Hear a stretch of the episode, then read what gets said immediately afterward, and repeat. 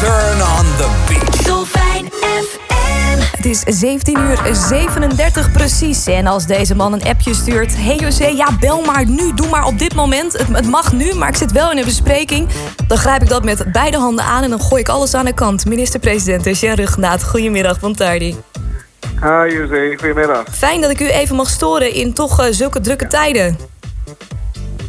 Ja, eh, druk is ook goed. Dus eh, we zijn, eh, ja, laat zeggen, weg aan de winkel. Ja, zeker dat. Vandaag allereerst heeft u met uw partij, PAR, u zich geregistreerd, toch? Alles goed gegaan? Dat klopt, alles is goed gegaan. En ik moet zeggen, niet alleen ben ik trots op de lijst, maar ook de organisatie. ondanks de omstandigheden in verband met de COVID-pandemie. Dat zo wat ik, ik heb meegemaakt in ieder geval heel goed georganiseerd. Ehm, een beetje steriel eh, vergeleken met Ja. onze normale manier van doen en eh, politieke folklore. Ja. Maar in ieder geval het feit dat de electorale raad en iedereen die heeft bijgedragen, heeft gezorgd eh, dat we in die zin ook continuïteit hebben, dat het doorgaat en ook de verkiezing. Eh, we kunnen er een beetje trots op zijn. Ja. Zeker weten. We kunnen überhaupt trots zijn, denk ik, op Curaçao... hoe het nu gaat met het aantal coronagevallen. Eh, maar ja, daar toch ben ik een klein beetje over. Want ik word de hele dag, en ik weet niet hoe het met u gaat... waarschijnlijk ook, ik word in paniek gebeld door allemaal mensen die zeggen... hoe zit het nou?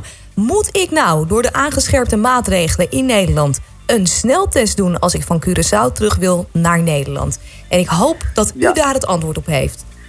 Ik heb een antwoord en dat is, eh, ja, laat zeggen, vanmiddag hebben we daar duidelijkheid ook gekregen van de VWS eh, dat dat niet hoeft. Geen PCR, geen sneltest. Wat ontzettend Eh, fijn. Dat was wel, ja, ja zeker, zeker, zeker. En eh, ja, het is ook fijn om, om deel van het Koninkrijk te kunnen zijn, om, om ja, tot die afspraken te kunnen komen. In ieder geval gezien onze cijfers afgelopen weken zijn wij geen risico voor, ehm, laat zeggen, import van COVID. Eh, of zijn we laag risico, laat me het zo noemen, voor Nederland. Eh, het was wel zo dat we indicaties kregen, onder andere van de luchtvaartmaatschappijen, dat eh, het kan zijn dat er een eis komt voor een PCR-test en zelfs een sneltest of een antigentest enkele uren voordat de passagier dan op de vlucht stapt. Eh, we waren daarvoor aan het voorbereiden, eh, moet ik zeggen. Maar gelukkig eh, kregen we vanmiddag te horen dat dat niet een eis is van Nederland. En daar zijn we zeer, zeer tevreden over. Wat ontzettend dankbaar. Ik denk dat de, de verwarring onder andere bestaat door een brief van eh, minister van Volksgezondheid in Nederland. Dat is Hugo de Jonge. En die schrijft in die brief dat er daadwerkelijk geen uitzondering is. Maar ik kan me voorstellen dat we afgaan op het woord van u en van in dit geval de vertegenwoordiging van Nederland. Dat klopt, want eh, die, ehm, laat ik zeggen, dat was ook de aanleiding om die duidelijkheid eh, te zoeken. Want eh, de brief was niet duidelijk. Het ging wel natuurlijk om eh, luchtruim of eigenlijk vluchten te stoppen vanuit eh, een reeks landen. Ehm, en het leek alsof dat ook zou gelden voor de BES en ook de autonome landen van het Koninkrijk, waaronder Curaçao. Eh, en daarom waren we ook aan het voorbereiden, want wij moeten zorgen voor die luchtverbinding, eh, dat het in stand blijft. En natuurlijk, het is heel belangrijk eh, voor onze economie, ons toerisme. Eh, en vandaar zijn we toch, als er zo'n beslissing zal komen, aan het voorbereiden, onder andere met de lokale laboratoria, om te zorgen dat er genoeg testcapaciteit is, ook voor de snel, sneltest. Maar we hopen dat het niet eh zo ver komt. En natuurlijk, we begrijpen ook aan de kant van Nederland, het is daar moeilijk.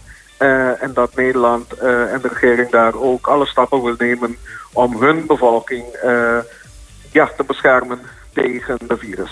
Als ik nou toerist ben en ik wil naar Curaçao komen, bijvoorbeeld op vakantie, ondanks die code oranje die door Nederland is afgegeven, dat kan gewoon, maar dan moet ik wel een negatieve PCR-test doen, toch? Ja, dat klopt. Eh, en dat was al een tijdje zo. Zeker. Eh, negatieve PCR-test.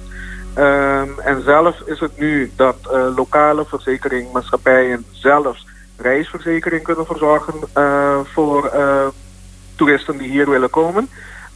En ik ben zeer verheugd ook dat de toeristische sector ook aan het meedenken is van wat kunnen we doen zodat we nog steeds toeristen kunnen ontvangen en zelf misschien voor langere duur.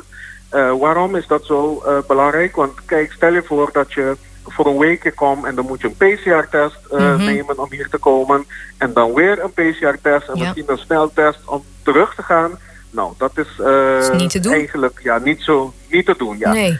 Maar als iemand voor langere tijd wil komen, het zij in een hotel blijven of een huis willen huren of appartement en gewoon genieten van Curaçao in een eh, veilige, laat ik zeggen, omgeving, dat kunnen we aanbieden. Eh, dus we blijven werken met de eh, lokale toeristische sector om toch midden in deze crisis toch een mooi product te kunnen ontwikkelen voor onze toeristen. Het zou fijn zijn als ik weer wat meer mensen heb om op uit te kijken hier op Mammo Beach Boulevard.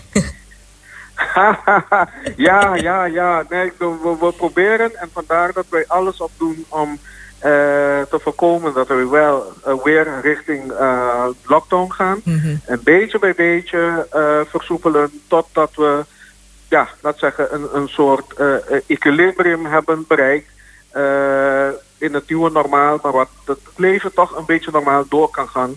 Eh, ook, eh, laat zeggen, voor, ja, laat zeggen, nightlife enzovoorts. Maar dat, dat moeten we kijken eh, op welk moment eh, dat ook kan doorgaan. Spannend, spannende tijden. Dank u wel. En eh, snel terug naar de vergadering dan.